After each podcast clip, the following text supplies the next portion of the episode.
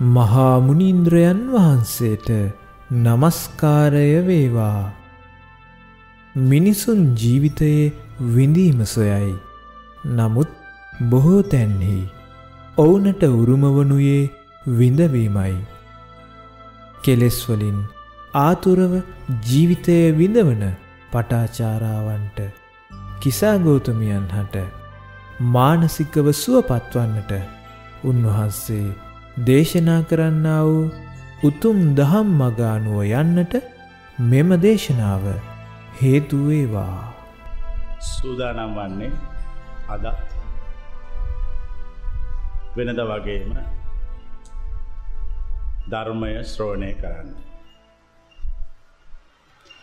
ශ්‍රෝණය කිරීමෙන් ජීවිතයේ අලුත් දෙයක් අලුත් දැක්මක් ජීවිතයට ඇති කරගන්න.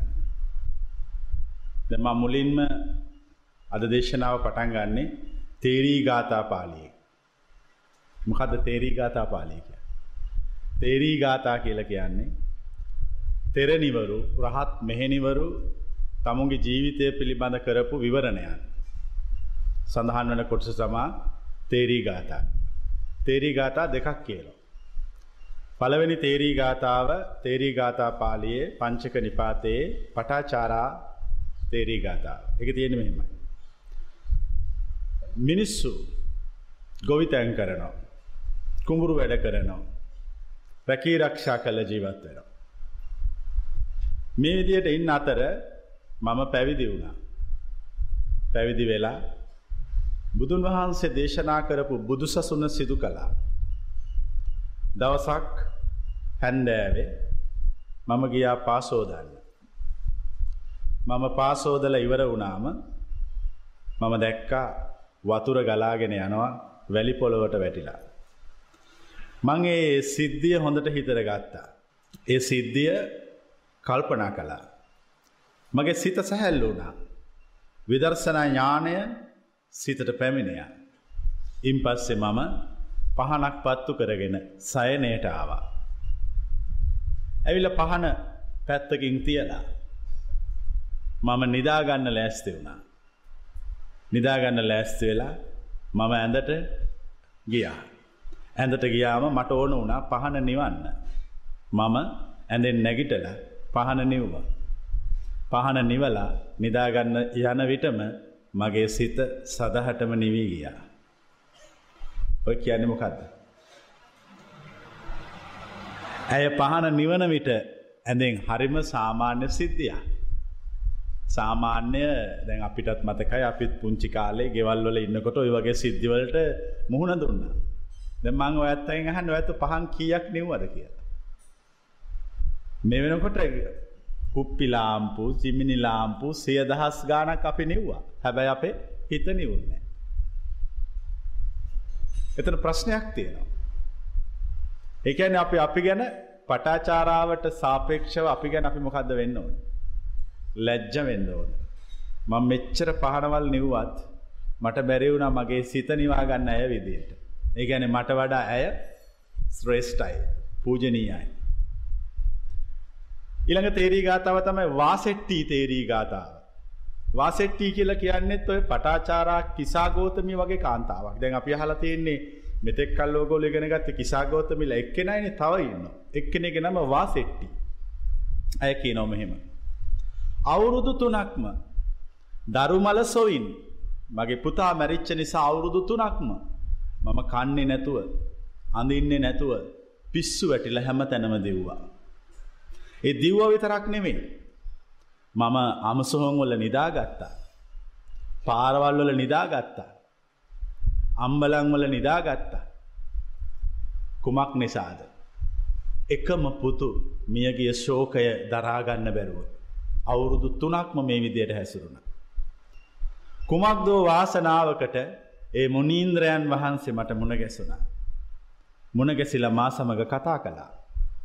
කතා කල්ල මට ධර්මය කිව්වා. මම මගේ ශෝකය සදහටම නිවාගත්තා. මම පෙරවිසූ කඳ පිළිවෙල දකින්නත් සියලු කෙලෙස් නැති කරන්නත් සිත පුරුදු කළා. මම රහත් වනා. රහත් බවට පත් වනා. මට නැවත පුනර්භවයක් නෑ. මට නැවත ඉපදීමක් නෑ කියලා වාසෙට්ටී මෙහෙනිය ප්‍රකාශ කළ.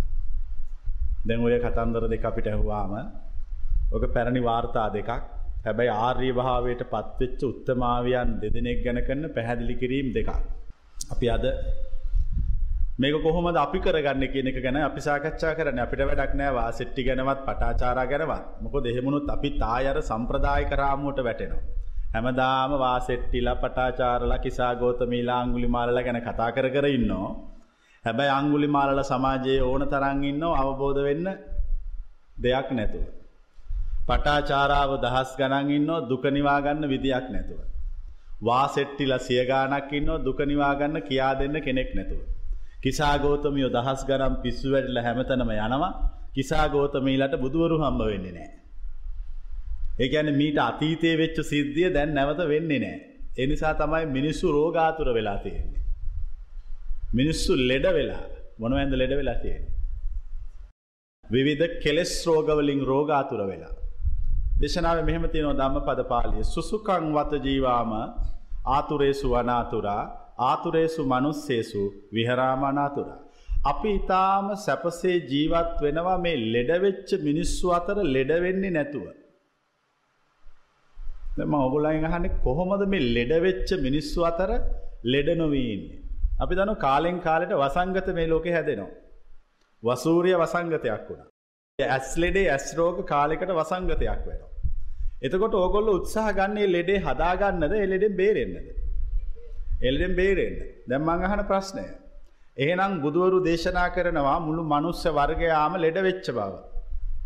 දැන් ඔගොල්ල එක පිළිගන්න වෙන මොකද අපිට සමාජයදිහ බැලුවම පේනවා මිනිස්සු ලෙඩ වෙලා ආතුර වෙලා. ආතුරේසු මනුස්සේසු.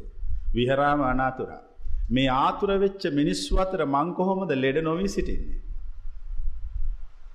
හිතුවද මීට මොහොතකට කලින්ගේ ගැන.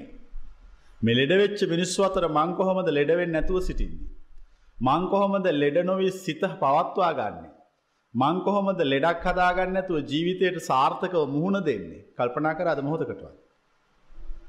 බෞතික ලෙඩ හදාගන්න ඇතියකනම් කල්පනා කරනවා. කම්මුල් ගාය දුනාම පැපුල ඇදුනාම හිතනවා මේක හදාගන්න නැතුව ඉන්න ඕන. හැබැයි මොහොතකට කවරුවත් කල්පනා කරන්න හිත රෝගී නොකර සිටගන්න. සිත රෝගී නොවී තබාගන්න. දව පිස්සංකොටුවකට යන් ලංකාව මහිතන පිස්සංකොටු හතාටක් විතර තියෙනවා ඒකෙන් ලංකාව වෙච්චනට පිස්සු ඉන්නවා. ඔය පිස්සන්ගෙන් මම කියන්නේ පිස්සංකොටුවල ඉන්නේ ස්වල්පයයි පිස්සු නැතිම වගේ අය. පිස්සු වැඩි මයන්නේ කොහෙද. සමාජය අපි අතර. ඒ සමාජයේ අපි අතර ඉන්න පිස්සව අතරයි බුදුවරු දේශනා කරන්නේ අනාතුරව සිටින්න. ලෙඩනොවී සිටින්න. ලෙඩනොවී සිටින්න නං ලෙඩනොවී ඉන්න ක්‍රමයක් අපි අපි දැනගන්න. ද අපි කම්මුල් ගාය හැදුනාම සරම්ප හැදුනාම මොකක් හරි භයානක බෝවෙන ලෙඩක් හැදුනාම අපි වෛද්‍යවරු හමවෙල අපි ගිහිල්ල හනවා මෙහෙම ලෙඩක් බෝ වෙලා තියෙනවා. කෝමද බෙද මහත්තයෝ දොස්තර මහත්තයෝ මේ ලෙඩේ හදාගන්න නැතුවනම් පරිස් සම්වෙන විදිිය මොකක්ද කියලා හ මාන්න නැද්ද දැන් ඕගොලු මගෙන් අහන්න දැන් ඔබහන්ස දේශනා කරනෝ මේ මනුෂ්‍ය වර්ගයාම රෝගාතුර වෙලා කියලා මිනිස්සු ලෙඩ වෙලා කියලා ඒ ලෙඩවෙච්ච මිනිස්සු අතර මට අවශ්‍යයි ලෙඩක් නැතුව ඉන්න දැම් මට ඔබ උගන් වන්න ලෙඩ නොවෙන විදිය. ලෙඩ හදාගන්න නැතුව ලෙඩෙන් පරිස්සම් වෙන විදිය කියල දෙන්න. මොකක්දේ විදිිය.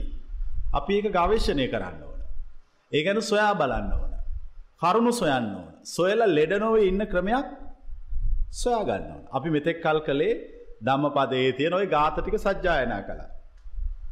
සුසුකං වත ජීවාම ආතුරේසු වනාතුරා ආතුරේසු මනුස්සේසු විහරාම අනාතුරා. සුසුකං වත ජීවාම වේරිනේසු වවේරිනෝ වේරිනේසු මනුස්සේසු විහරාමා වේරිනෝ. අපි ඉතාම සැපසේ වාසය කරමු වෛර කරන මිනිසුන් අතරවා ඉරීම. ඉතින් ඔය සජ්ජායනා කල්ල වැඩක් නෑ මේ ඉන්න ක්‍රමය අහගන්න ඕන. ක්‍රමය දැනගන්න ඕන මං අහන්නේ මොකක්ද මේ ලෝකේ ලෙඩවෙන් නැතුව ඉන්න තියෙන ක්‍රමය මානසිකව.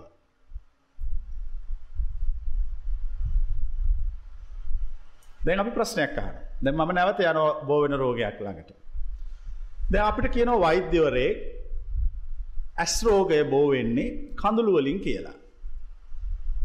එතකොට අපි කල්පනා කරනවා ඇස්රෝගේ බෝවෙන්නේ කඳුළු වලින්. එතකොට කාගේ හරි කඳුළු ඇඟේ ගෑවුනොත් ඒ කඳුළු අපේ ඇහැට ගියොත් ඇස්රෝගය බෝ වෙනවා. දැන් අපි මොකද්ද කරන්නේ? කඳුළු නොගෑවෙන්න පරිස්සම් වෙනවා. දැන් මෙතන මට පේනවා ප්‍රතිපදා දෙකක්. මේ හොඳට කල්පනා කරන්න. එක ප්‍රතිපදාවක් තමයි කඳුළු ගා ගන්න ප්‍රතිපදාව. අනිත් එක මොකක්ද? කඳුළු ගා ගන්න නැතුව ඊට ප්‍රතිවිරුද්ධව සිටින ප්‍රතිපදාව. දැන් මේ ප්‍රතිපදා දෙකෙන් ලෙඩ වෙන්නේ කවුද කියලා මං අහනවා. කඳුළු ගා ගැනීමේ ප්‍රතිපදාව තුල යන අයද කඳුළු ගා ගැනීමට ප්‍රතිවිරුද්ධව සිටින අයද? කවුද ලෙඩ වෙන්නේ නැතුව ඉන්නේ? කඳුළු ගා ගැනීමට ප්‍රතිවිරුද්ධ වන්නෝ රෝගී නොවන්නෝය.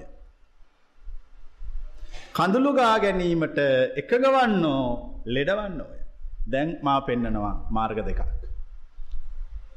ආර්ය මාර්ගය හා අනාර්ය මාර්ගය. ආර්ය මාර්ගය යනු කුමක්ද. තියෙන්න වූ සම්ප්‍රදායක රාමුව තුළ ජාති ජරා ව්‍යාදී මරණයන්ට ලක්වමින් ජීවිතය විඳෝමින් ගෙවන්නා වූ ජීවිතය අනාර්ය මාර්ගයයි එක තුළ දුක පවතිනවා. ආර්ය මාර්ගය කියැනීමකක්ද. ඒ දුක තේරුම් අරගෙන දුකෙන් නිදහස් වෙන්න ක්‍රමයක් ගවේශණය කරන මාර්ගය අනාර්ය මාර්ගයයි මාර්ග දෙකයිති දැන් ඕකෙන් මොකද තෝරගන්න. ඕකෙන් අපි ආර්ය මාර්ගය තෝරගන්නවා.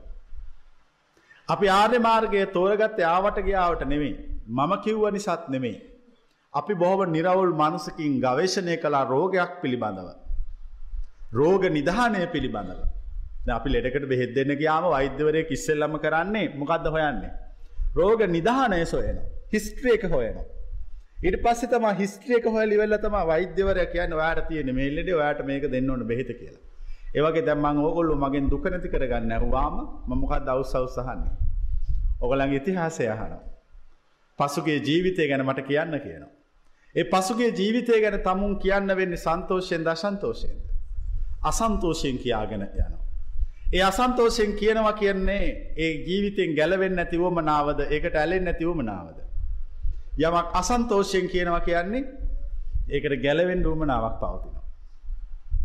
අසන්තෝෂයෙන් කියනවා දුටුව ගමන් ගැලවෙන මාවත පැහැදිලි කොන්නවා. ගැලවෙන මාවත කියල දෙනවා. මේ ලෝකෙ තියෙනවා ඇලෙන මාවතක් හා ගැලවෙන මාවතක්. මේ ලෝකෙ තියෙනව සංසාරයට හිරවෙල ඉන්න ක්‍රමයක් හා සංසාරයෙන් ගැලවෙන ක්‍රමයක්. ලෝකෙ ජීවත්වෙන බහුතර පිරිසක් අර සංසාරයට ඇලෙන ක්‍රමය ගවේශණය කරනවා.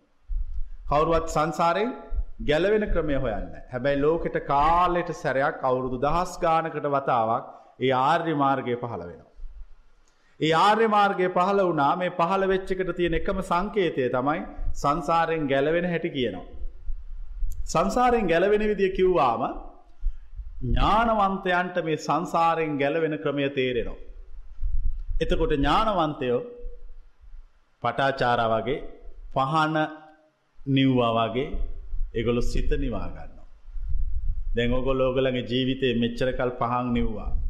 හැබැයි කවුරුවත් සිත නිව්වෙන. දැම්මං අද සාකච්ඡා කරන කෝමද මේ සිත නිවන්නේ මේ සිත නිවීම සඳහා මොකක්ද කරන්න ඕන මේක පහනක් නිවන වගේ එක සැරයටම නිවන්න බැරිද. පුළුවන්ද. පුළුව. එක සැරටම නිවන්න පුළුව. එකට ක්‍රමය මොකක්ද. කොමද මේක ගවේශණය කරන්නේ. කොමද මේවා දකින්නේ. අප මේක සාකච්ඡා කරන්න ඕන. බුදු කෙනෙක් ලෝකයට ඇවිල්ලා දේශනා කරන්නේ පහන නිවන විදිය.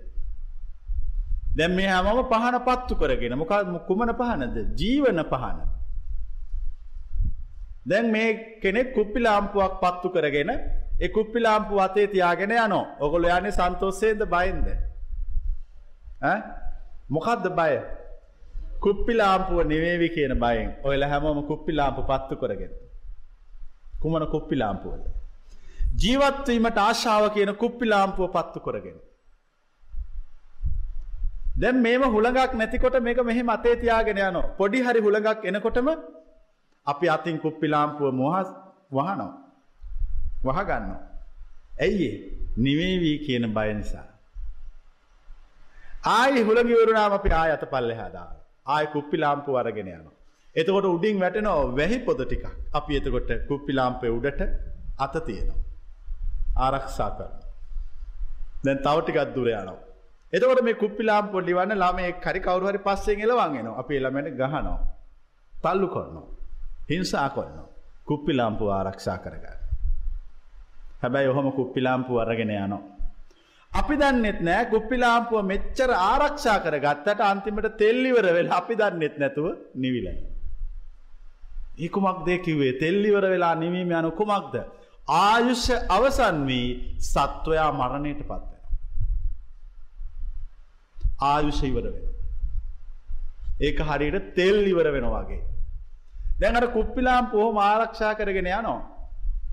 ගාක් මහන්ස් වෙලා අරගල කල්ලා ජීවිතය කරන විශාල මරගලය තමයි හැම කෙනෙක්ම තමුන්ගේ ජීවිතය කියන කුප්පිලාම්පුුව රැකගන්න කරන අරගලය. මං කියනක තේරෙනවාද. ජීවිතය ආරක්ෂා කරන්න විශාල අරගලයක් කර. මෙච්චර ආරක්ෂා කරත් ඔය කුප්පිලාම්පුුවේ තිරේයිවර වෙච්චකම නිවිලයන. ඒ කියන්නේ අපි මේ ලෝකෙට ගෙන අපපු කර්මය වරුණ හම කුප්පිලාම්පුනි වෙන. තෙල්ලිවර වෙලනි වෙනවා තිරේ ඉවර වෙලනි වෙනවා. සමහරලාට කොච්චර විවිධ සතුරු බලවේග මේ සියල්ලගෙම මේ කුප්පිලාම්පු ආරක්ෂා කරගෙන හිටියට හිටි ගමන් මේ දෙකම එක සැරයට ඉවර වෙනවා.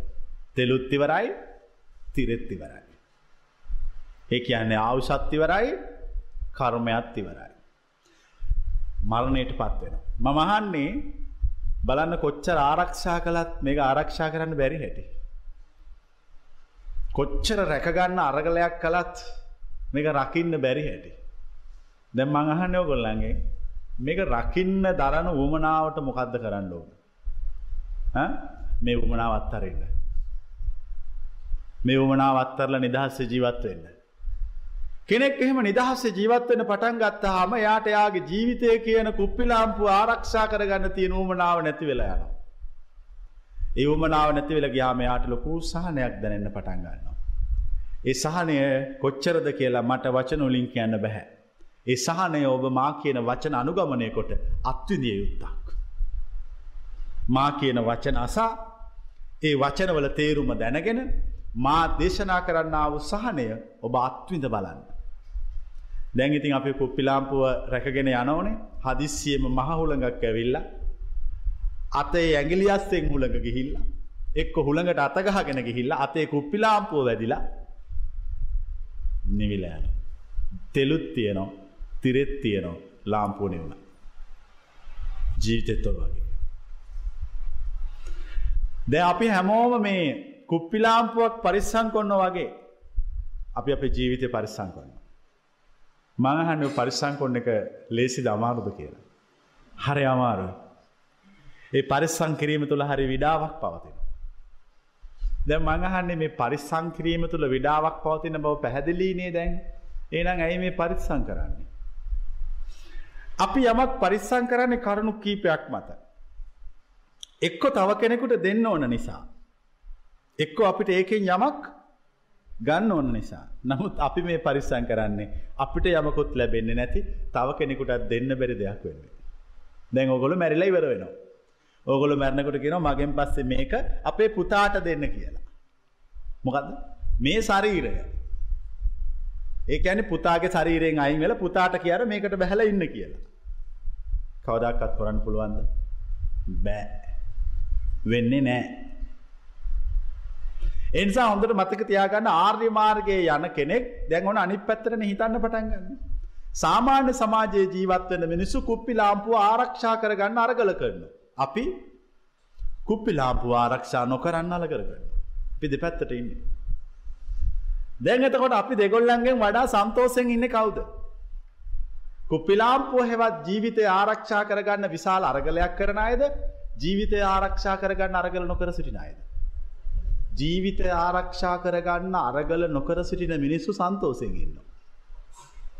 හැබැයි ජීවිතය ආරක්ෂා කරගන්න අරගල කරන අයත් මැරෙනවා ජීවිතය ආරක්ෂා කරගන්න අරගල නොකරන අයත් දෙගොල්ලම මැරෙනවා. මඟන්න මේ ගොල්ලඟ ඉක්මනට මැරෙන කවුද කිය.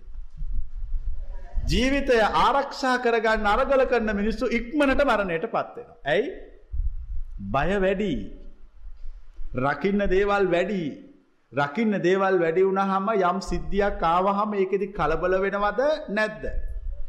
ඉක්මනට කල්බල වෙන.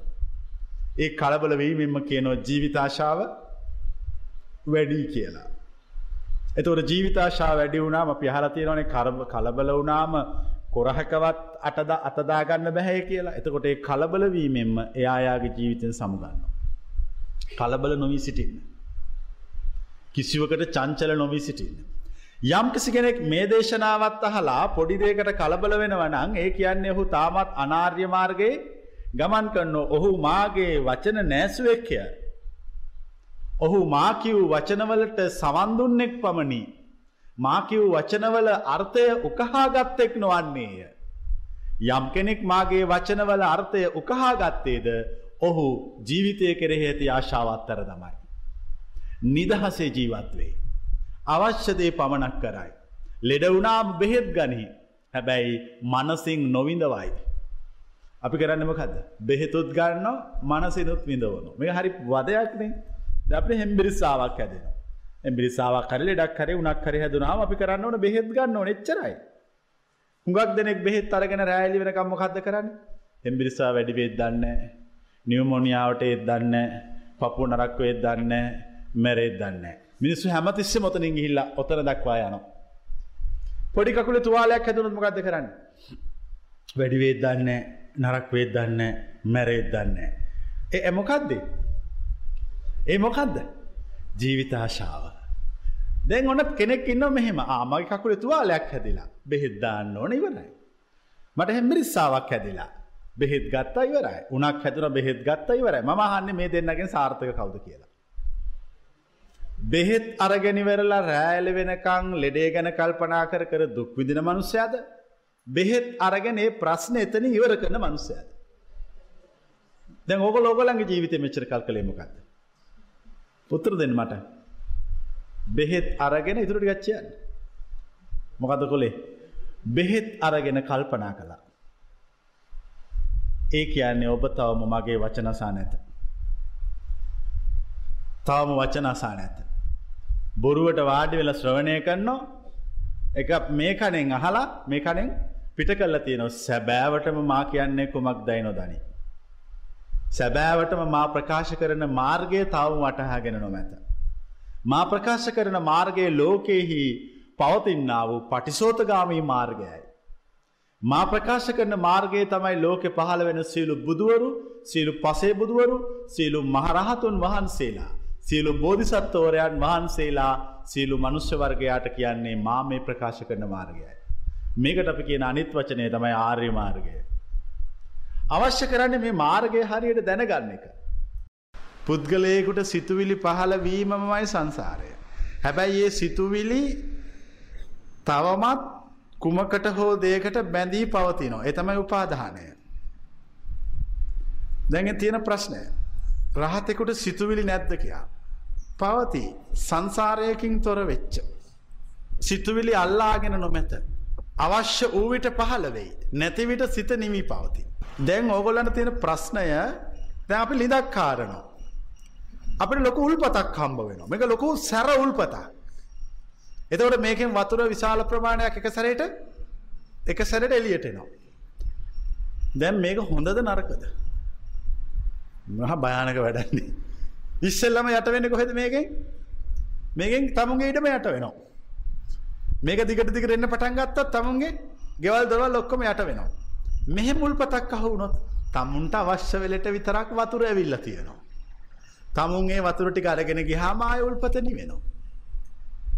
ඒ වගේ එකක්ද හොඳ තොර තෝංචියක් නැතුව ගලන එකක්ද හොඳ. දැන් මට උත්තර දෙන්න. තමුන්ට අවශ්‍ය වෙලේට වතුර තියෙනවා. නැති වුණාම වතුර නැහැ. හරිනේ. රහතෙක් කියන්නේ අන්නේ වගේ කෙනෙක්. රහතෙක්කුගේ සිත වැඩ කරන්නේ රහතට ඕන වෙලාවට විතරයි. ඒ කියන්නේ රහතගේ සිතේ අයිතිකාරය කවුද රහතා. ලිඳ හැරුවට උල්පතේ අයිතිකාරය ඔහල නෙවේ. ඒකයි ඔහල කෙන දිර වතුර පාලනය කරන්න බැරි. අ රහතන් වහන්සේ අවශ්‍ය වෙලට වතුර තියෙන අනවශ්‍ය වෙලට නෑ ඒකයන්යා වතුරවල පාලනයකට ලක්කොල්ල මේ කියනක තේරෙනවද. රහත් එකකුගේ සිතට සිතුවෙලි එන්නේ ඒ රහතට භෞතික අවශ්‍යතාවයක් ආවත් පමණයි. මොනද භෞතික අවශ්‍යතා. ඇවිදීම නිදා ගැනීම වතුරපානය කිරීම බත් ආහාරයට ගැනීම පහනක් පත්තු කිරීම නිවීම ඇඳස් කිරීම සාමාන්‍ය දෛනික ක්‍රියාකාරකම් වලද ඒක කරන්න ඕනේ කියලා දැක්කද මේ පහන නිවිල තියෙනවා දැක්කාම රහතෙක් මොකද කරන්නේ. දැම් මම් ප්‍රශ්නයක් අහන ගැඹුරුයි. අපි හල තියෙන මෙහෙම දැක්කා දැක්ක පමණි. ඇසුව ඇසුව පමණි. දැනුණ දැනුණ පමණි. රස දැනුණ රස දැනුණ පමණි. ස්පර්ශය දැනුණ ස්පර්ශය දැනුණ පමණි. සිතට සිතුවිලි දැනුණ සිතුවිලි දැනුණ පමණි ඕ කවුද රහතෙක් මං අහන ප්‍රශ්නය. ඔහු රහතෙක් නම් දැම් මෙතන පහන් දෙකක් නිවිලා තියෙනවා. දැම් මම හිතන මම රහතෙක් මම මොකක් කරයිද. ඉතින් මම අහන්නේ දැක්ක දැක්ක පමණි නං නිවිලයි කියලා අවබෝධ වෙනවද නැද්ද කියලා. දැක්ක දැක්ක පමණි. නිවිලයි කියලා අවබෝධ වෙන දැක්ක ගත්තොත්. නිවිලයි කියල තේරෙන්නේ දැක්ක දැකපු එක හිතට ගැන විඤ්ඥානය බවට පත්වනවා. දැම් මංහ නොහලගෙන රහතෙක් වනවාගෙද කියලා. අවශ්‍ය දේ පිතරක් ගන්නවා. දැම් මේ පහත්නක නිවිල තියෙනවා. නිවිල තියෙන නිසා ඒක ගන්නවා.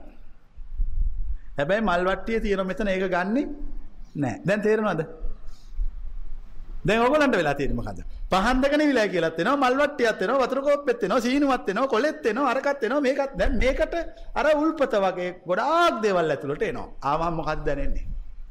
අසහනයක් දැනෙනවා. රහතෙක් ඒ ඔක්කොම හරියට මේ රහතන් වහන්සේලාගේ එක එක තැන්වල ස්විච් තියෙනවා. මේ ස්විච් හුඟක් ඕෆ් කරගෙන ඉන්නේ. එයාට ඕනුනාම එක ස්විච් එකක් දානවා. දැම්මහම අරක පෙරෙනවා ඒ අවශ්‍ය ටික ගන්නවා. දැන් ඔහෙලා ඔක්කොම ස්විච් ඔක්කොම සුවිච් දාගෙන දඟලනවා සුවිච් වහ ගන්න එකක්වත් වැහෙන්නේ අරහෙන් මෙහෙන් දැම්මෙනවා විතරයි. දැන් අපි මේ බොහොම ජීවිතේ ඊටාම සමීප සිද්ධි සාකච්ඡා කරන්නේ. දැන් ඔයගොල්ලෝ කොහෙන්වත් මහා බණපොත් කියවන්න ඕනේ නැහැ කෙනෙකුට ජීවිතයේ ධර්මයේ තේරුම් ගන්න. පොඩි දෙයක්. බලන්න පටාචාර තේරුම් ගත්ත විදිය අර ලස්සනට කිව්වේ කුප්පි ලාම්පුව නිවන විදිය. කකුල් හෝදන විදිය ඇඳට යන විදිය. දැන් ඔගොල්ලන්ට ඒ කතන්දරේ කියන්න යනකොට තමුන්ගේ ජීවිතේ ගියපු හැටි මතක නැද්ද? ඇඳ උඩට කුප්පි ලාම්පු නිවලා පොඩි කාලේ. අපිට මතක් වෙනවා. හැබැයි අපි ගැන දුකක් ඇති වෙනවා. අපරාධේ මං කුප්පි ලාම්පුව නිවුවට ඇයට වෙච්ච අනිත් එක මට කරගන්න බැරි වුණා. මට හිත නිවා ගන්න බැරි වුණා ඇයි හිත නිවා ගන්න බැරි වුණේ කියලා දැන් හිතන්න හිත නිවා ගන්න බැරි වෙලා තියෙන ප්‍රශ්නයක් නිසා අපිට හිත නිවා ගන්න කියා දෙන්න කෙනෙක් නෑ. මිනිස්සු අසරණ වෙලා. මිනිස්සු අනාත වෙලා. ඒ අසරණ වෙච්ච මිනිස්සුන්ගේ අසරණ භාවය නැති කරන්න කෙනෙක් නෑ. මිනිස්සු අනාත වෙලා. ඒ අනාත වෙච්ච මිනිස්සුන්ගේ අනාත භාවය සනාත කරන්න කෙනෙක් නෑ. ඒ මිනිස්සුන්ගේ අසරණ භාවය නැති කල්ලා සරණ වෙන්නත් අනාත භාවය නැති කල්ලා නාත වෙන්නත් මිනිස්සුට කෙනෙක් නෑ. ගුරුවරයෙක් නෑ. ශාස්තෘුවරයෙක් නෑ.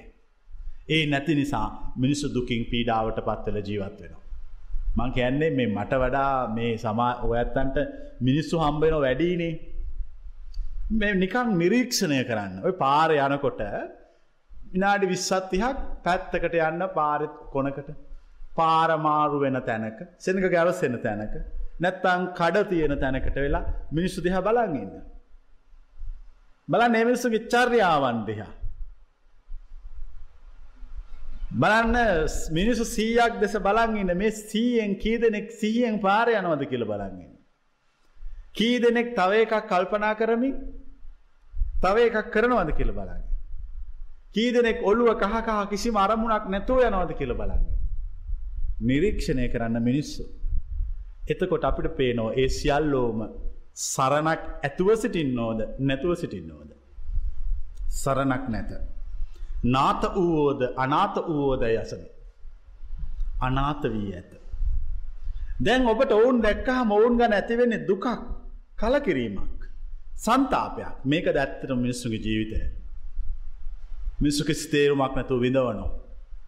කිසි තේරුමක් නැතු වරමුණක් නැතුව ජීවත් වෙනවා.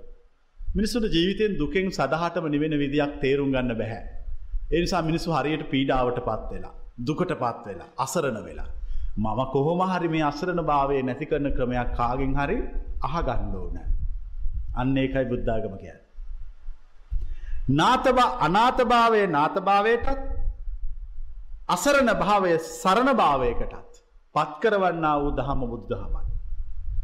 ඒ පත්කරවන්න පුළුවන් ධර්මයට නෙමේ ආර්ය මාර්ගයට ධර්මය ඇසූ පමණින් කෙනෙක් නිවී යන්නේ නැත.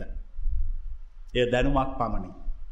ආර්ය මාර්ගය යම් කෙනෙක් අවබෝධ කළ ගත්තේද ආර්ය චින්තනය අසා ගත්තේද ඒ ආර්ය චින්තනය අනුගමනය කිරීමට ප්‍රතිඥා දුන්නේද. ආර්ය චින්තනය අනුගමනය කිරීමට ප්‍රතිඥාදුන් සියල්ලෝම දුක නැතිකොට ඇත. ඔවුන් අනිත් පැත්තර සිතන්න කල්පනා කළයි. හැම විටම ඔවුන් සමාජයේ ප්‍රතිවිරුද්ධ දිසාවට ගමන් කරයි. පටිසෝතගාමී වේ. යම් කිසි කෙනෙකුගේ පටිසෝතගාමී ජීවිතය මස්තක ප්‍රාප්ත වූ බව දැනගන්නේ කෙසේද. ඒ පුද්ගලයාට සියල්ලෝම විරුද්ධ වේ. යම් කිසි කෙනෙකුට සියල්ලෝම තමුන් ආශ්‍රයක නැසරු කරන සියල්ලෝම විරුද්ධ වනවා නං ඒ පුද්ගලයා බුදුන් වහන්සේගේ පණිවිඩ අවබෝධ කොටගෙන අවසන්. බුදුන් වහන්සේ කරපු දේශනාව තේරුම් අරගෙන අවසන්. මිනිහෙක් ගඟකට වැටිලා පීනන්න පටන්ගත්තාම ගඟ යන පැත්තට පීනන්න ගත්තොත්. ගඟේ ඉන්න කිබුලත් උදව් කරන්න ඇද්ද. ගඟ යන පැත්තට පීනුවොත් ගගේ ඉන්න කිඹුලත් ගහගෙනන යන්න ූත් කියයි මගේ ඇඟ උඩ නැගපන් අපි දෙන්නම පල්ලෙ හට ගහගෙනයමු කියලා. මොකද කිඹුල දන්න පල්ලෙ හට පීනන්න විතරයි. හැබැයි මාඔබට කියන්නේ ගඟ යන දිශාවට පීනන්න කියා නෙවෙයි. මොන පැත්තර පීනන්න කියාද. ගඟට යන දිශාවට ප්‍රතිවිරුද්ධෝ පීනන්න කියා මාවිතරක් නෙවේ ලෝකට පහළ වන සියලු බුදුවරු දේශනා කරන්න දේශනාවක් ඕක. ගඟ යන දිශාවට ප්‍රතිවිරුද්ධෝ හැසිරෙන්න. ඒ ඇන මේ සංසාරයේ සත්වයෝ ගමන් කරන්නේ එක්තරා රාමුවකට අහුවෙල හිතන නිසා. ඒ රාමු අනි පැත්තට සිතන්න පටන්ගත්ත හම සංසාරය නවතිනෝ. සසර පවතින්නේ. සසර පවතින සම්ප්‍රදායක චින්තනයට සත්‍යය කොටු වෙලා ඉන්න නිසයි සම්ප්‍රදායක චින්තනයට අපි කියනවා අනාර්ය චින්තනයයි කියා. යම්කිසි සත්වය කාර්ය චින්තනයට පත් වනානම් ආර්ය මාර්ගය ප්‍රත්‍යක්ෂ කරගත්තනම් නිවන් මඟ තේරුම් ගත්තනම් ඒ සත්වයට පුළුවන් අනික් පැත්තට හිතන්න පටන්ගන්න. මං ඔහෙලට කියන ඔහෙල මෙහඇවිල්ල මම කරපු දේශනා වහලා ඔහෙලට බැරිනං තවමත් ආර්ය චින්තනය ප්‍රත්‍යක්ෂ කරගන්න ඔයලාහරි අවාසනවන්ත. ඒක ඇන මේ එක දේශනාවක් ඇහුවයෙන් පස්සේ දුක සම්පූර්ණය මොකක්ද වෙන්න ඕන. අයි නැති වෙලා යන්න ඕන. ජීවිතය දුකක් තියෙන බැහැ. කල්පනා කරන්න ඕන දුකට හේතුව හේතු අත්තරල දාන්න ඕන. අත්තරල දාලා නිදහස හිත තියාගන්න ඕන. මිනිස්සුන්ට දුක පවතින්නේ ආශාව තියෙන නිසා. ඒ ආශාවලින් ප්‍රබල ආශාව තමයි ජීවිත ආශාව. මිනිස්සු ජීවිතාශාව නිසා මහා අරගලයක් කරනවා. විශාල අරගලයක නිරත වෙලා සිටිනවා. රහතෙක් කියන්නේ ආර්ය මාර්ගයට ප්‍රවිෂ්ට වෙච්ච කෙනෙක් කියන්නේ ජීවිතාශාව නැති කරන්න යොමු වෙච්ච කෙනෙක්. ඉචම් කෙනෙක් රහත් බවට පත් වනා නම් ඒ රහත් බවට පත්වෙච්ච උත්තමයා සම්පූර්ණ ජීවිතාශාව නැති කළ. යට ජීවිතාශාවක් නෑ ජීවිතය රැකගන්න දඟලන්නේ නෑ දැන් ඕගොලන්ට මේ සියලු ප්‍රශ්න තියෙන්නේ ජීවිතය රකින්න දඟලල නිසා. එක එකාට බයවෙන්නේ එක එක අයිස්සරහා තැතිගන්නේ ලොම් පුප්පන්නේ ලොං අකුලන්නේ මේ ඔක්කොම කුමක් නිසාද. ජීවිතාශාව නිසා. බයනතුව සිංහෙක් මෙන් සිටින්න. සිංහයෙක් කිසි දවසක කවරුවත් ඉස්සරහා ලොම් පුප්පන්න යන්න ඇයිඒ සිංහට වඩා පුප්පන්න කෙනෙක් නැති නිසා. සිංහෙක් මෙන් සිටින්න. අර දා කතාවත් තියෙන දවසක් සිංහෙක් මහා ගුහාාවක නිදාගන්නකොට මීෙක් ඇවිල්ලා සිංහයාගේ ලෝම කනවලු සිංහමකද කරේ ඇ කරල බැලුවනවා ලෝම කනෝන එක නිදාගත්තල. එතවට මේ මීයක ඉල්ල කිව්වලු බලහන් මං සිංහයටත් වැඩේ දීලැකිවලුවාව. ඒ මෝඩ මී අහා සිංහ තේරුම් ගත්ත මූ මේ ලෝම දෙක තුනක් කෑවයි කියලා සිංහයට මුකුත් වෙනවාද. එ සිංහයකට කලබල වෙන්න ඕනද කලබල වෙනවනම් උ සිංහෙක් නෙවේ නරියෙක්. හොඳට තේරුම් ගන්න. ඒ කලබල නොවෙන්නේ ඇයි සිංහයා. මී ඉදිරි පස සිංහයට ජීවිතාශාවක් මී ඉදිරි පස නැති නිසා. තව සිංහෙක්කාවොත් එතකොට ඒ සිංහ කලබල වෙයි. ඒ සිංහට ඒත් කලබල වෙන ජීවිතාශාව තියෙන නිසා. දැන් ඔහෙලගේ ජීවිතය කලබල නොවී ඉන්න කැමතිද අක මැතිද. කැමතින අපි හැම හරි කැමති කිසිම කලබලයක් නැතු නිශ්ශබ්ද වෙන්න ශාන්ත වෙන්න. ඒ ශාන්ත වෙන දහම ඕකයි. අද බුදුහාන්දුරට වචනයක් කියනනේ ශාන්තිනායකයානු. ඇ ත්‍රිපිටකේ දේශනාව තියනවා. දෙසුවේ ඒ සාන්ත මුනි. ඒ ශාන්ත මුනීන්ද්‍රයන් වහන්සගේ දේශනාව මේකයි. මොකද දේශනාව. අනික් පැත්තට සිතන දේශනාව. ප්‍රතිවිරුද්ධ දේශනාව. හෙවත් පටිසෝතගාමී දේශනාව. හෙවත් ආර්ය චින්තනය. යම් කිසි කෙනෙ ආර්ය චින්තනය දැනගත්තනම් ආර්ය චින්තනය තේරුම් ගත්තනම් ආර්ය චින්තනය වටහගත්තනම් ඒ කිසි කෙනෙකුට කිසි දුකක් වේදනාවක් ශෝකයක් සන්තාපයක් තියෙන්න බෑ. තැන් ඔගොල්ලෝ බොහොම දුර බැහැර ගෙවාගෙන මෙහි ආවනේ ඒ මෙහි ආව මේ මෙහි බලලයන්නවත් මං බලලයන්නවත් වෙන මෝකටවත් නෙමේ ජීවිතයට මොනහරි අලුත් දේවල් ටික එකතු කරගෙන යන්න ඔන්න අද එකතු කරගන්න. එකතු කරගන්න හැමතිස්සම ප්‍රතිවිරුද්ධ විදිර කල්පනා කරන්න. හොඳර සිහිනුවනෙන් හිතන්න. ලෙඩක් හැදන එක ගැන කල්පනා කරන්න මෙනෙහි කරන්න ඇයි මම මේකෙන් රැකෙන්න්න දඟලන්නේ. ඇයි මම මේක ආරක්ෂා වෙන දඟලන්නේ. ඇයි මම දුවන්නේ මේ මේ සියලුදේ මෙනෙහි කරල බලන්න. බලන්නකොට තේරෙනවා මේ පිටිපස ජීවිතාශාවක් පවතින. මේ ජීවිතාසාාව අපි එක එක විදියට අපි එක එක මාවත්වලට යොමු කොරවනු. යොමු කරවලා අපිට නොවිඳිනා වද දෙනවා. තෙරෙන්නද කියන එක නොවිඳිනා වදවලට යොමු කරවනු. මං අහන ජීවිතය කී දෙනෙකුට බයේදිව්වද. පොඩි කාල බයදුවල නැද්ද. බයදෙව්වා. අපි සමාලට පොඩිකාලේ ඔය පාරවල්වල යනකොට වෙල් ලියරවල්වල යනකොට තනියෙන් යනකොට අපි සත්තුන්ට බය වුණා නැද්ද දැන් කල්පනා කරන්න ඇයි මං ඒ බය වෙලා තියෙන්නේ. සමල්ලාට බොරුවට බය වෙලා දිව්වා. එතකොට ඇයි මේ බොරුවට මං බය වෙලා දුවන්නේ.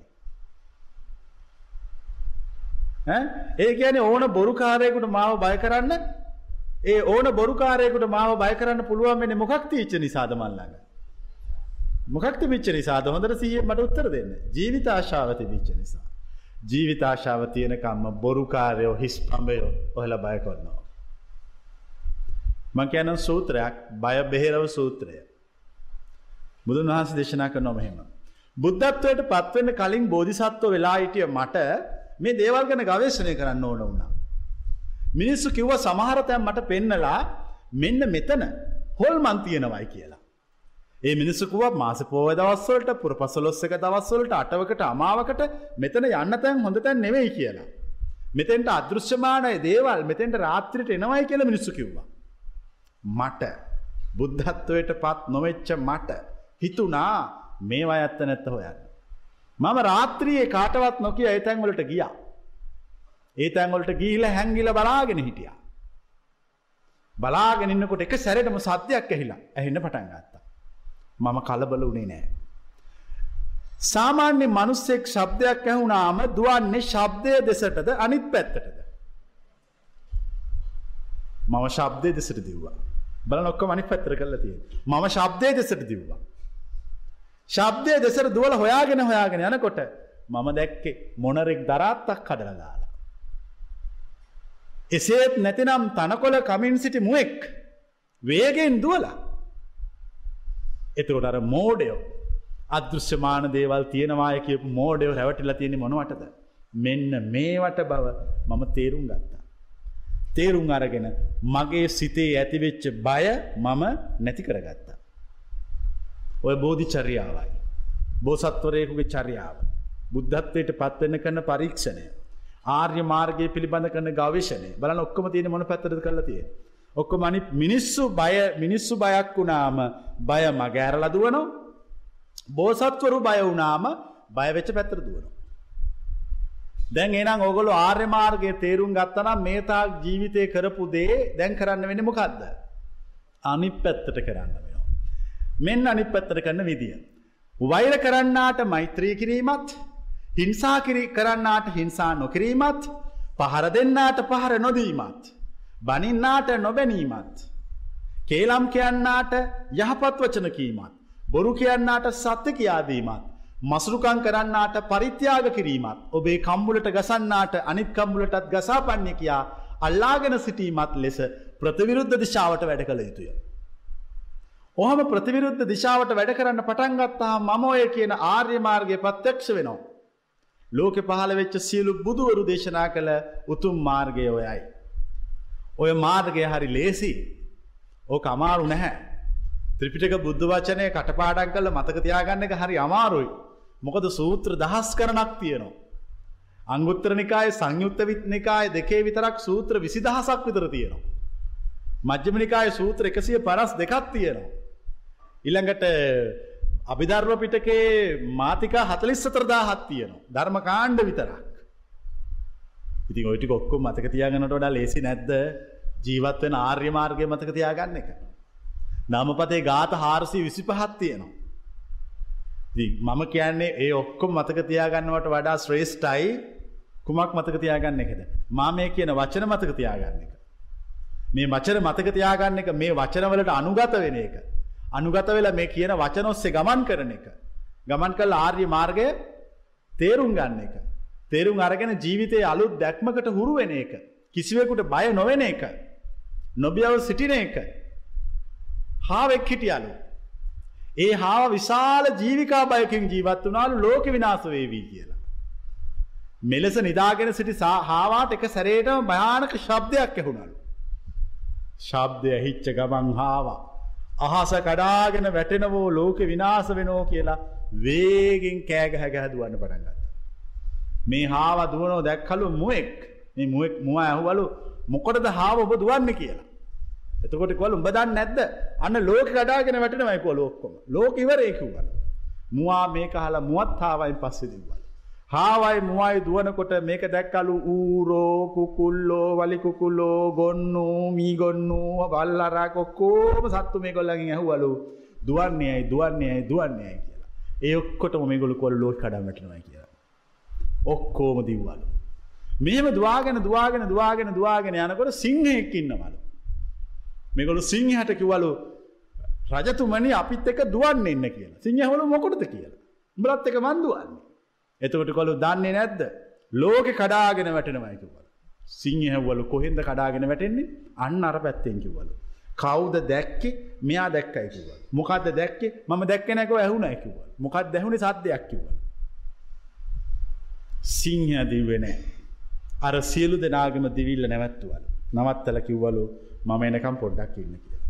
සිංහය හොයාගෙන හොයාගෙන හොයාගෙන ගියා මර කියපු දැනට ගියාම බෙලිගඩියක් බිම තියෙනවලු තල් කොල්ලයක් ඉල්ල තියෙනවා.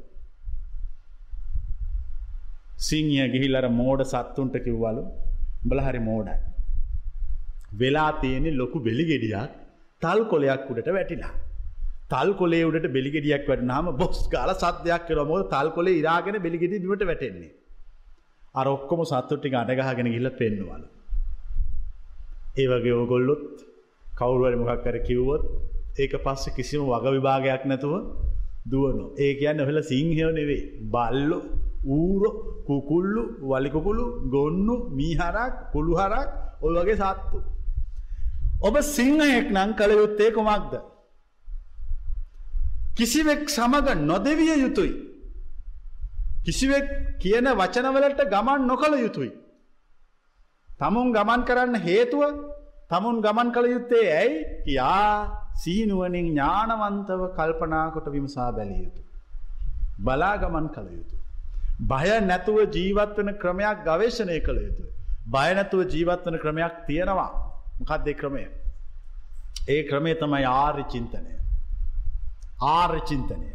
ඒ ආර්ය චින්තනය යම් කිසි කෙනෙක් තේරුම් ගත්තොතින් වටහා ගත්තොතින් අවබෝධ කර ගත්තොතින් ඒ අවබෝධ කරගත්ත පුද්ගලයාට කිසිම් බයක් සැකක් සන්තාපයක් නැතුව ජීවත්වෙන ක්‍රමය හම්ම වෙන. එකහරි අමුතුයි මේ කියන දේ තේරුම් ගන්න. ජීවිතයට දැනෙන්නේ විශාල සහනයක්. විශාල නිවීම. මේ හුඟක් දේවල් ආරක්ෂා කරන්න මිනිස්සු හරි විශාල අරගලයක් කරනවා.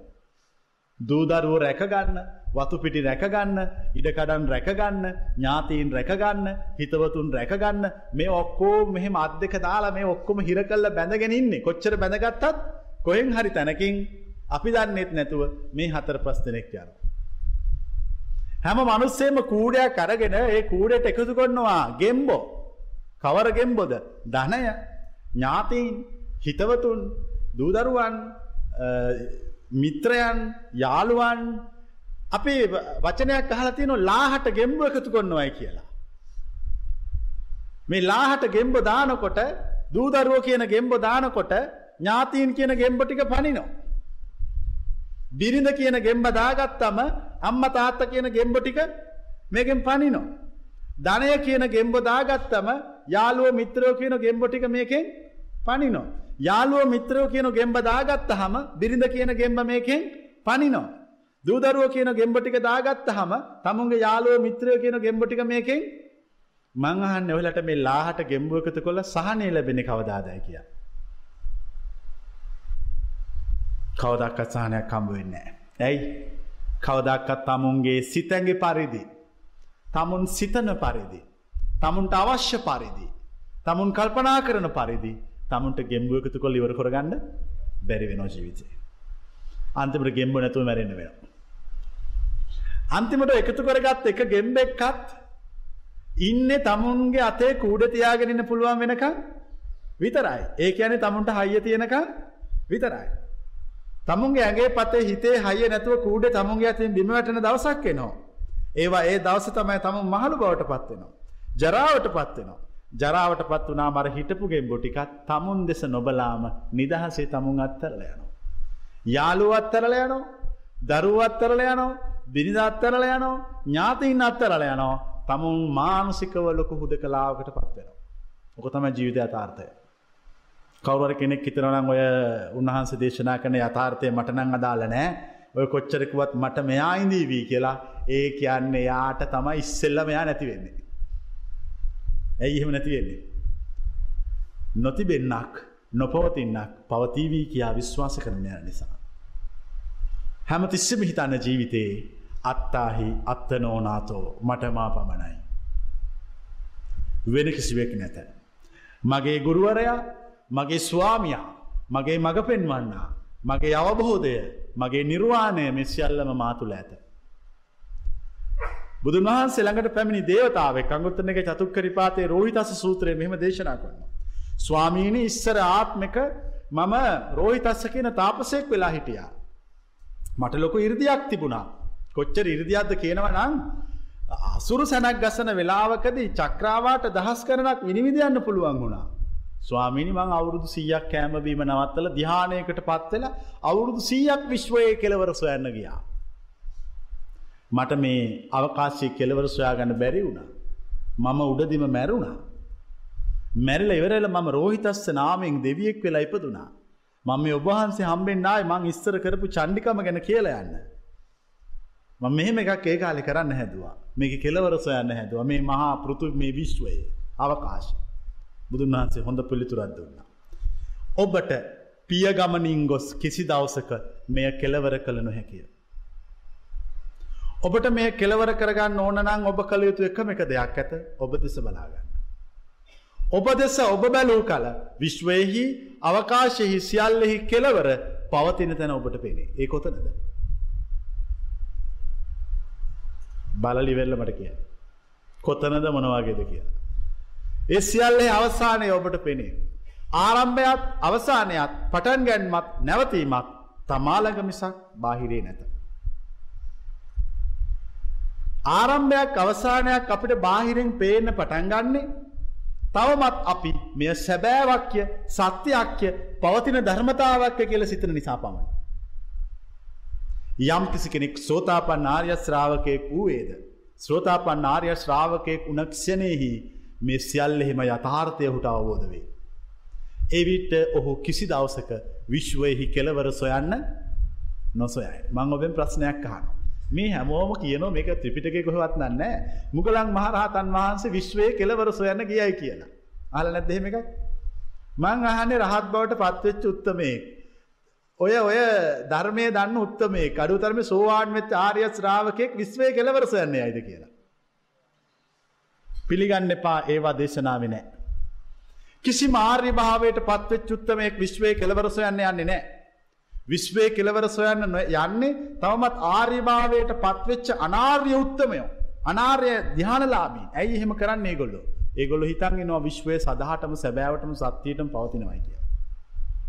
බුදුන් වහන්සේගේ දේශනාව අනුව විශ්වයට කෙලවරක් නෑ. පැවත්මක් නැවත්මක් මුකුත් නෑ සංකල්පයක් පමණයි. මං අහන්න රහත් බවට පත්වේ චුත්ත මේ සංකල්පයක කෙලවර සොයන්න යයිද කියලා. සංකල්පයක කෙලවර තියෙනෙ කොහෙද. තමන්ගේ ඇතුලාන්තය. තමන්ගේ මනසේ. එනිසා හොඳට මතක තියාගන්න අපි එකනෙකාගේ කෙලවර සොයවල් සොය සොයවිද්ද. මොකක් දෙකනිකා කෙලවර සෙවීම යන. එකනිකාගේ දුරුවලකං දක්ෂකං අඩුපාඩුකං ගවේශණය කිරීමයි. එකනිකාගේ කෙලවරවල් සෙවීම නවත්තන්න. තමන්ගේ කෙලවර සොයාගන්න උත්සාහ ගන්න. තමන්ගේ කෙලවර සොයනකොට අර කලින් කියපු ජීවිතාශාව නැතිවේවි.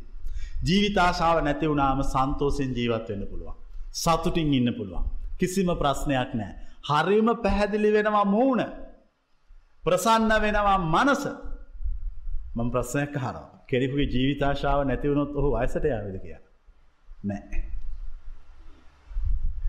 මිනිස්සු වයසට යන්නේ වයසට යාවී කියන බය නිසා විතරයි. වයසට යාවී කියන බය අත්තරල දාලා නිදහසේ ජීවත්වනොත් වෙන දෙයක් වෙන්න කියලා එවුම් වයසට යන්නේ. අමුතු මිනිස්සු බවට පත්වෙන. එහෙනං අපේ මේ ජීවිතය අවුල් කොල්ල තියෙන මොකක්ද.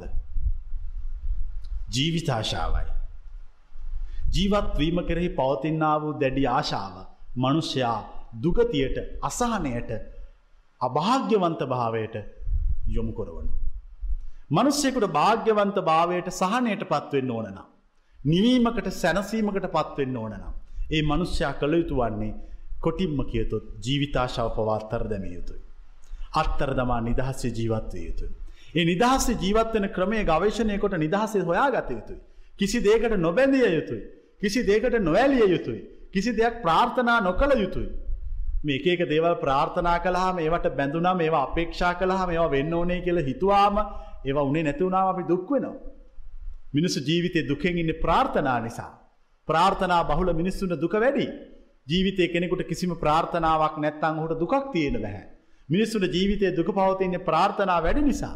පටාචාරා දුක්කුණේ වාසෙට්ටී මෙහෙනිය අවුරුදු තුනක් පුතුමල සොයින් පිස්සු වැටිලා.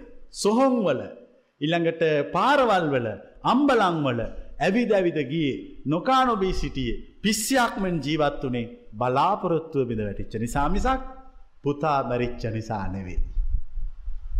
පුතු කෙරෙහි ඇති අපේක්ෂාව බිඳ වැටිච්ච නිසා. තබා ගන්න එපා අපේක්ෂාවකත් කිසි දෙයක් ගැන. යුතුකම් විතරක් ඉෂ්ට කරන්න. වගකින් හරියාකාර විෂ්ට කරන්න අපේක්ෂායින් කළ නිදහසේ ජීවත් වෙන්න. කිසිවක් කෙරෙහි බලාපොරොත්තුනුවන්න. බලාපොරොත්තු වෙන හැමත් තැනකම දුක වේදනාව සන්තාපය ශෝකය අසහනය පවති.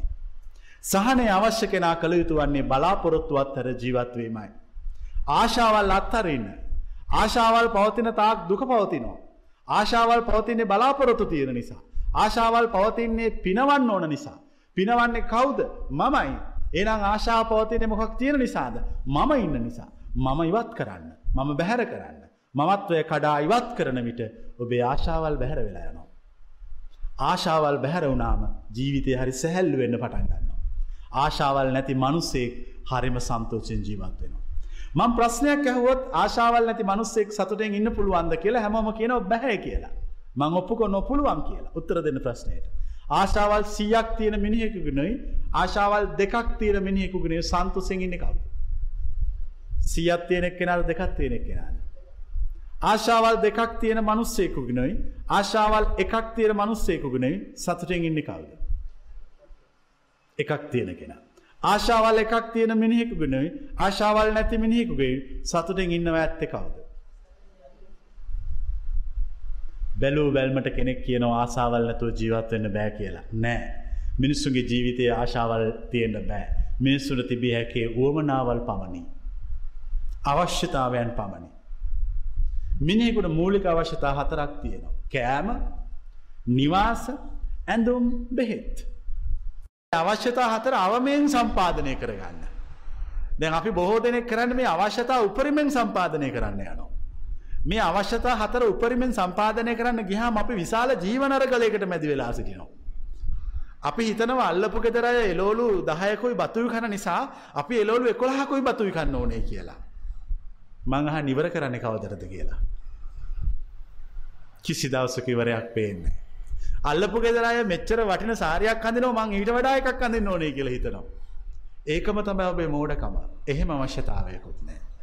තම තමන්ගේ පිනේ හැටියට තම තමන්ට එකක දේවල් ලැබෙන්නේ.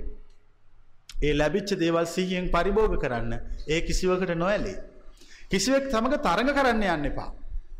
තරඟ කරන්න ගියොත් හැමදාම පරදින්නම සිද්ධ වෙන්නේ. අන්තිමට තරගේ නිසා තමනුත් නොදන්නා වෙලාවක අසහනෙන් තමුන්ට මැරෙන්න සිද්ධ වෙනවා.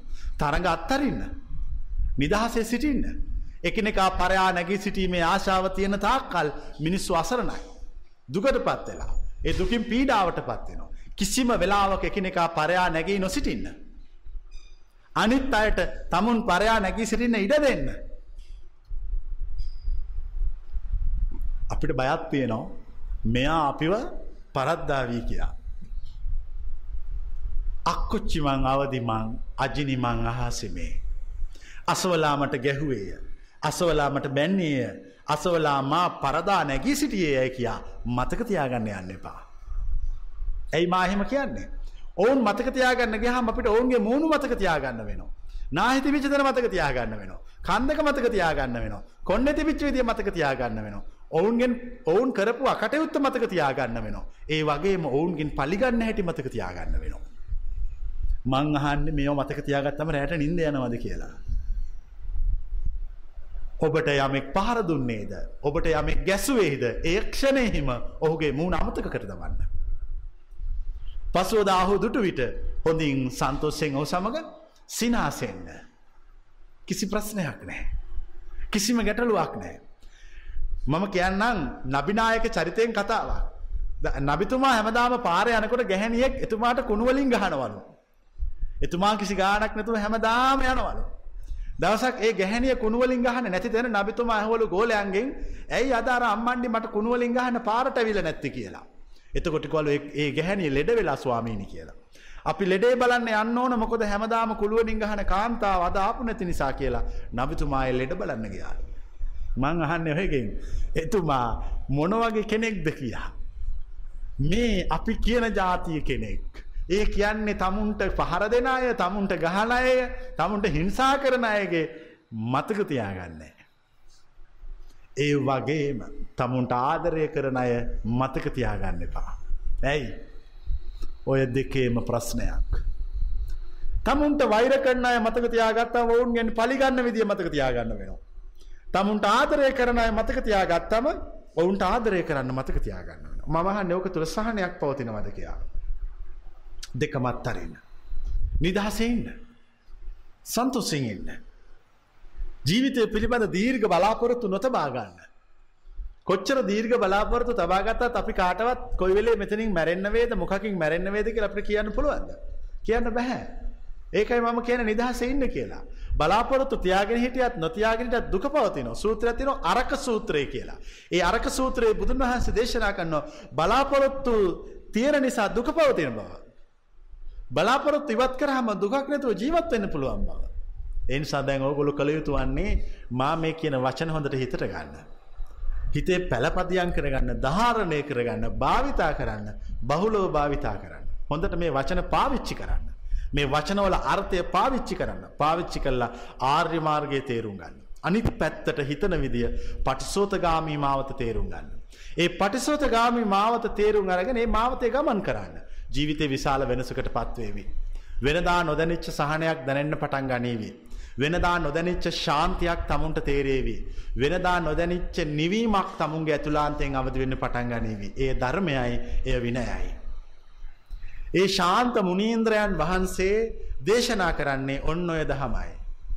උන්වහන්සේ අශාන්ත මිනිස්සුන්ට ශාන්ත වෙන හැටි අදහන්තයන්ට දාන්ත වෙන හැටි. කලබල වූවන්ට නිවෙන හැටි. රාගෙන් පෙළෙන්නන්ට රාගය නැති කරන හැටි. තරහින් කෝපයෙන් කෝපාවිෂ්ට වූවන්ට කෝපාවිෂ්ට භාවය නැති කරගන්නා විදිය ඒ ශාන්ත මුනීන්ද්‍රයෝ දේශනා කරන සේක. ඒ වචනාසන්න.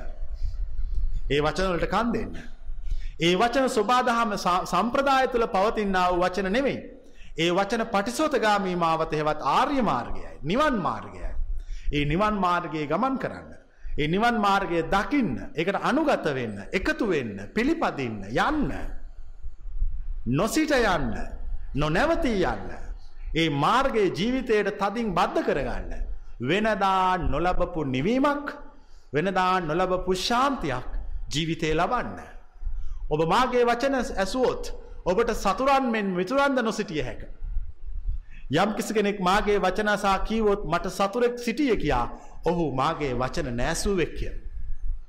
යම් කිසි කෙනෙක් මාගේ වචනසා කීවොත් මට මිත්‍රයෝ සිටියයි කියා ඔහුද මාගේ වචන නැසුවෙක්මය. යම් කෙනෙක් මාගේ වචන ඇසුවේද ඔහුට සතුරන්ද මිතුරන්ද නැත. ඔහුට පොදු පුද්ගලයෝ පමණක් ඇත. එකනෙකාට වෛර කිරීම අත්හරදාන්න. එකනෙකා පරයා නැගිසීමට ඇති කැමැත්ත විනාශ කරන්න. නිදහසේ ජීවත් වෙන්න. තරඟ නොකරන්න. ලැබෙන දේ පරිහරණය කරන්න. මේ සියල් එකනෙකාට ලැබෙන්නේ එකනෙකා කර කියාගත්ත කුසලා කුසල කර්මානුව මිසක් වෙන දෙයක් අනුව නොවේය. ඒක නිදහස් නිරවුල් නිවැරදි මනසින් තේරුම් අරගෙන ජීවිතයට එකතු කරගෙන ජීවිතය වාසනාවන්ත කරගන්න. එලෙස වාසනාවන්ත කරගන්න හැම දෙනාටම ශක්තිය ලැබේවා කියලා